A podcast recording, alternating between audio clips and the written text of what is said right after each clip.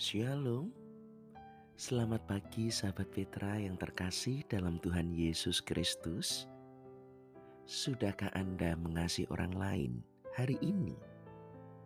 Sungguh hati kita berlimpah syukur dan bersuka cita. Karena Tuhan bukan hanya memberi kesempatan baru, tetapi juga menghantarkan kita memasuki tahun baru 2022 dan karena itu mari kita bersama membuka hari di hadirat Allah bersama Embun Pagi edisi Sabtu 1 Januari 2022 pada Radio Petra 105,7 FM yang kali ini bersama saya Pendeta Yosef Kristionugroho dari GKJ Wirobrajan. Sahabat Petra yang terkasih, tema yang akan menjadi bacaan firman Tuhan adalah Injil Yohanes bagian kedua. Yesus pemberi hidup yang terambil dari Injil Yohanes pasal 20 ayat 30 dan 31. Karena itu sahabat Petra, mari kita siapkan hati kita di hadirat Allah untuk menerima kebenaran firman-Nya. Bersama kita berdoa. Bapa yang bertahta dalam kerajaan surga, terimalah hormat, puji, sembah, dan syukur kami kepadamu. Sebab hari ini kami telah melihat mentari baru pada tahun yang baru 2022. Kami melihat dalam suka dan duka, bahkan jatuh dan bangun kami di tahun yang lalu. Tetapi penyertaanmu tidak berubah dan kasih setiamu tidak berkesudahan.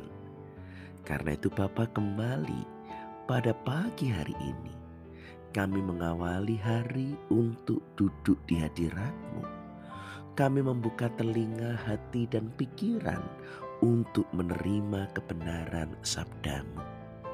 Sebab segala berkat kemurahan yang telah engkau sediakan pada hari-hari yang akan datang tidak dapat kami jalani dengan baik dan juga tidak dapat kami nikmati dengan sempurna jika kami tidak hidup dalam rancangan dan kehendakmu.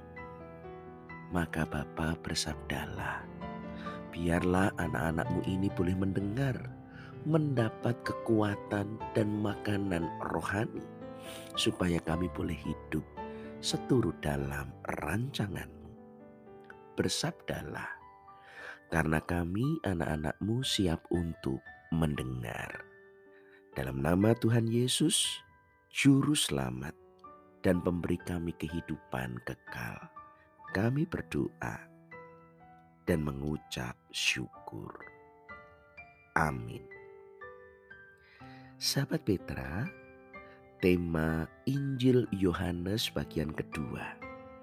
Yesus pemberi hidup terambil dari kitab Injil Yohanes pasal 20 ayat 30 dan 31 yang demikian sabda Tuhan. Maksud Injil ini dicatat.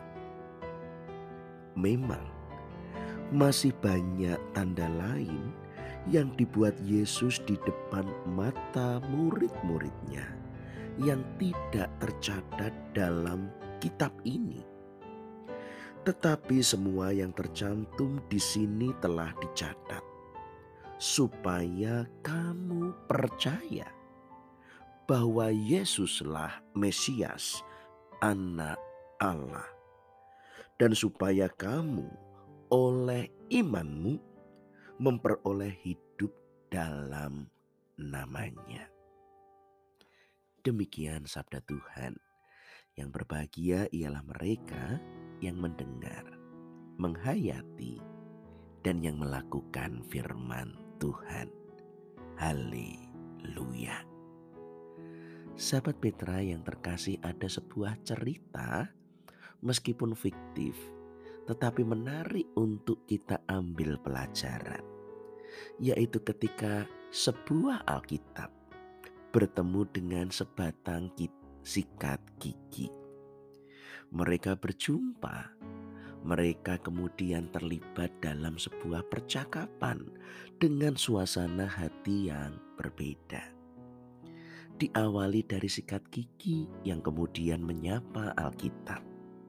Sikat gigi berkata pada Alkitab, "Alkitab, kamu jauh lebih beruntung daripada aku sikat gigi.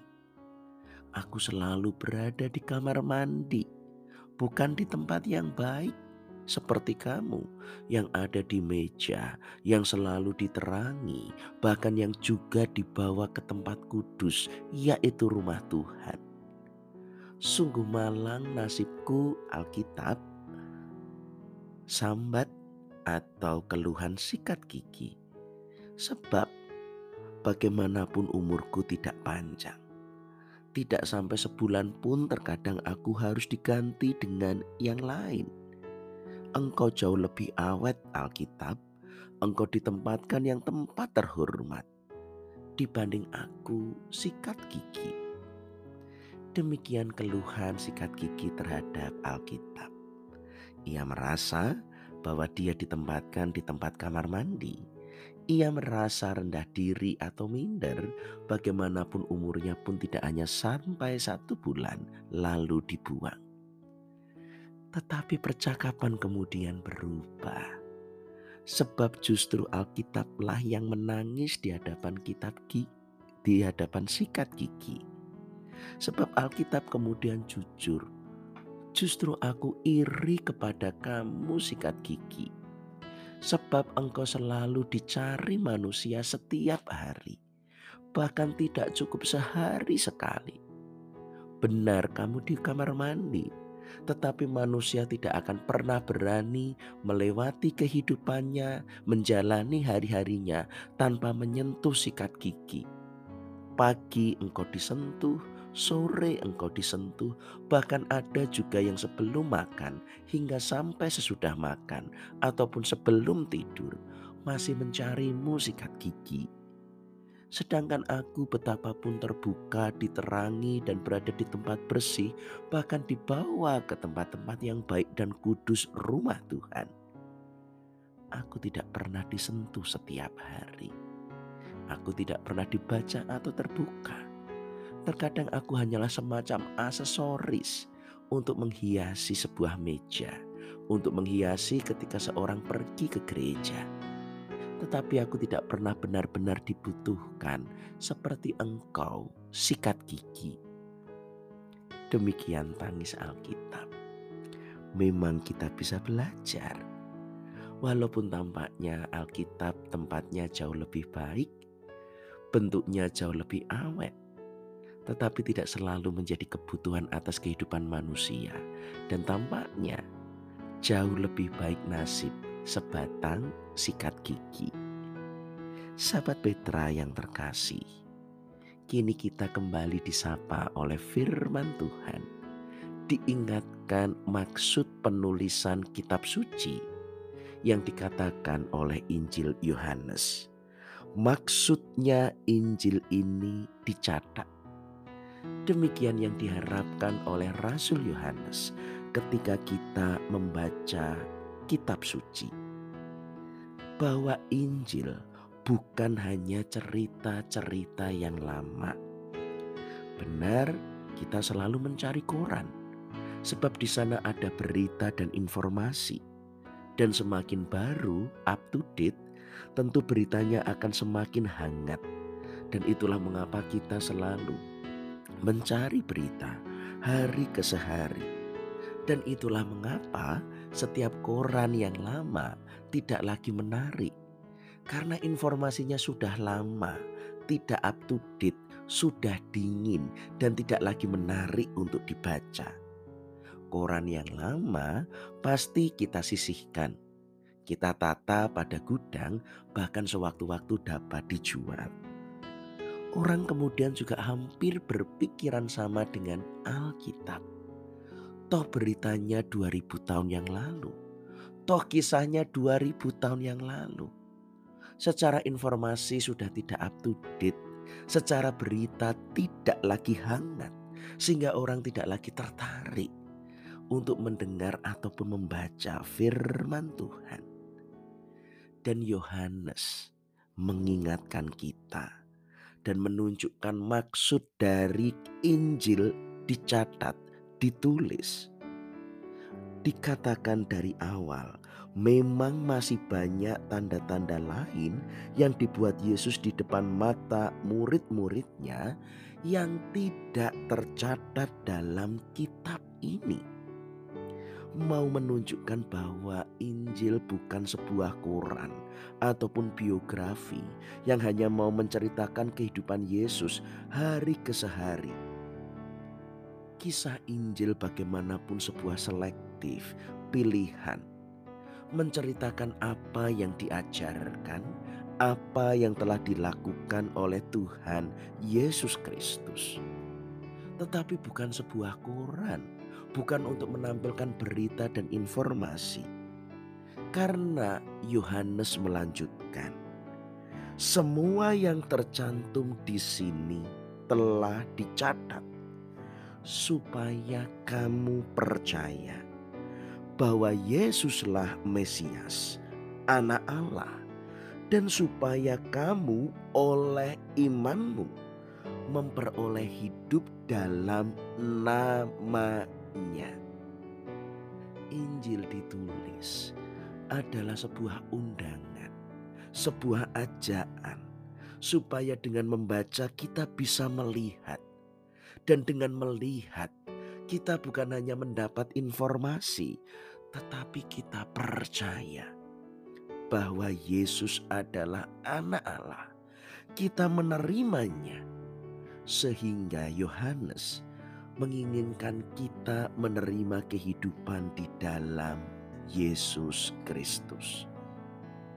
Injil ataupun Alkitab bukan hanya memberi informasi, tetapi ditulis supaya setiap pembacanya mendapatkan kehidupan yang kekal.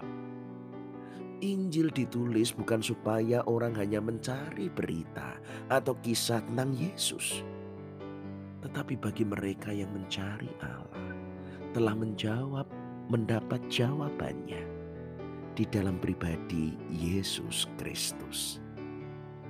Dari Injil Yohanes, kita melihat keagungan Allah yang digambarkan begitu sempurna dalam pribadi Yesus. Diawali kisah mujizat, air menjadi anggur, bukan hanya menyelesaikan kisah dari sebuah perjamuan kawin, tetapi kita dapat melihat bahwa Yesuslah anggur yang sejati. Setiap orang tidak mungkin mendapat sukacita tanpa Yesus Kristus. Bahwa Yesuslah kehidupan kekal. Sebab anggur yang makin lama tidak akan rusak. Demikian juga kehidupan di dalam Yesus tidak akan rusak. Ketika memberi makan lima ribu orang dengan lima roti dan dua ikan bukan hanya sekedar kisah mujizat. Begitu banyak orang yang lapar dan begitu sedikit roti dan ikan, lalu Tuhan mencukupkan. Tetapi lebih daripada itu, supaya kita melihat bahwa Yesus adalah roti yang sejati, roti yang hidup, yang memberikan kekuatan, bahkan kehidupan yang kekal. Ketika Tuhan Yesus menyembuhkan orang buta, bukan sekedar penyakit yang dicelikkan matanya, tetapi justru kita akan melihat bahwa seseorang akan melihat hidup dengan terang, dengan jelas, dengan jernih. Jika kita percaya kepada Yesus, sebab Dialah terang dunia, sehingga kita tidak lagi berjalan dalam kegelapan. Bahkan ketika Yesus membangkitkan Lazarus yang telah mati, dari empat hari dikubur. Bukan juga hanya kisah sebuah duka cita kematian yang diakhiri dengan kebangkitan Lazarus. Tetapi kita melihat bagaimana suara Yesus menembus dunia orang mati. Suara Yesus dapat memanggil orang mati untuk kembali bangkit. Lazarus, keluarlah. Dan ini justru menunjukkan bahwa Yesus punya kuasa sebab dia adalah Allah kebangkitan dan hidup. Begitu banyak kesaksian. Membaca Injil bukan membaca koran. Justru seperti gambaran sebuah ruang pengadilan. Setiap kisah adalah setiap kesaksian-kesaksian tentang Yesus Kristus dan seketika setiap kesaksian telah dinyatakan dan ditampilkan. Setiap pembaca harus mengambil sebuah keputusan yang begitu penting atas kehidupannya, yaitu apakah kita akan menerima Kristus atau menolaknya. Injil Yohanes berharap dengan begitu banyak kesaksian-kesaksian tentang Yesus, supaya kita percaya dan justru ketika kita percaya, dengan iman kita akan memperoleh hidup dalam namanya.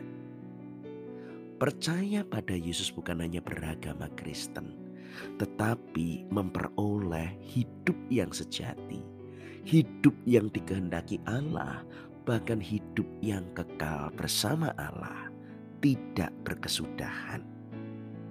Karena itu, sahabat Petra, jangan lagi melihat Injil atau kitab suci sebagai seperti koran yang bisa usang dengan berita-berita yang lama.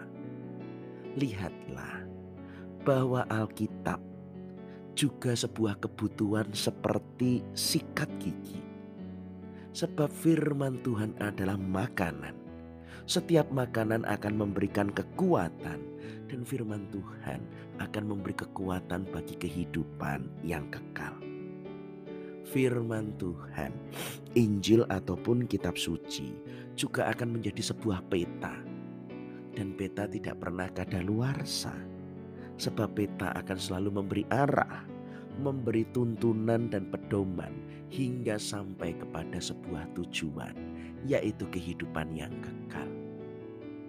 Firman Tuhan memberi kekuatan, memberi jalan, memberi tuntunan, dan mengarahkan pada tujuan yang kekal. Bahagialah kita jika hidup kita sungguh-sungguh dituntun oleh firman Tuhan. Alkitab tetaplah sebuah kebutuhan. Bahkan jika sikat gigi hanya sehari dua kali sebagai makanan, harusnya Alkitab pun banyak memasuki hidup kita, menuntun hidup kita, menjadi kekuatan bagi kita, sebab firman Tuhan juga adalah kebutuhan bagi jiwa kita. Selamat memasuki tahun baru yang juga akan kita lewati bersama kehidupan baru yang telah diberikan Allah di dalam Yesus Kristus, Tuhan dan Juru Selamat kita. Amin. Mari kita berdoa. Bapa kami mengucap syukur atas kebenaran firman-Mu, supaya dengan demikian kami menerima firman sebagai makanan dan sebagai tuntunan dalam kehidupan. Terima kasih atas tahun yang baru yang akan kami lewati bersama kasih setia rahmat dan kemurahan-Mu Ampunilah akan kesalahan kami di tahun yang lalu. Kami telah meninggalkan segala beban, kepahitan, segala yang tidak berguna. Biarlah semua kami lepaskan dan kami boleh sungguh-sungguh berjalan bersama dengan Allah. Hiburkan dan sembuhkan, pulihkan dan kuatkan mereka yang sakit, baik di dalam pergumulan batin ataupun dalam pergumulan tubuh tuntun setiap adi Yosua supaya hidup mereka semakin penuh dengan sukacita dan syukur. Karena di balik segala kelemahan, mereka semakin dekat dengan damai sejahtera yang abadi di dalam rahmat Tuhan dalam kehidupan yang kekal. Inilah Bapa seru doa kami yang kami panjatkan dalam nama Tuhan Yesus Kristus, Juru Selamat Sang Pemberi hidup. Kami berdoa dan bersyukur. Amin. Sahabat Petra yang terkasih, mari kita akhiri perjumpaan kita ini dengan menerima berkat Tuhan. Arahkanlah hatimu kepada Tuhan. Jadilah saksi Kristus di segenap sisa kehidupan pada tahun yang baru sampai Tuhan yang menetapkan langkah kita berhenti dan nafas kita diakhiri. Terimalah berkat Tuhan. Tuhan memberkati saudara dan melindungi saudara. Tuhan menyinari saudara dengan wajahnya dan memberi saudara kasih karunia. Tuhan menghadapkan wajahnya kepada saudara dan memberi saudara damai sejahtera. Dalam nama Allah Bapa, Putra, dan Roh Kudus. Amin. Demikian sahabat Petra, kebersamaan kita membuka hari baru di tahun 2022 yaitu Embun Pagi edisi Sabtu 1 Januari 2022. Mohon maaf jika ada atur tutur kata saya yang kurang berkenan dan mari kita akan melanjutkan kehidupan dengan menerima kuasa kehidupan baru, tuntunan kehidupan kekal di dalam Yesus Kristus. Karena itu tetaplah senantiasa untuk mengasihi orang lain di sepanjang kehidupan kita. Saya, Pendeta Yosef Kristianugroho dari GKJ Wirobrajan, mohon undur diri. Tuhan memberkati. Amin.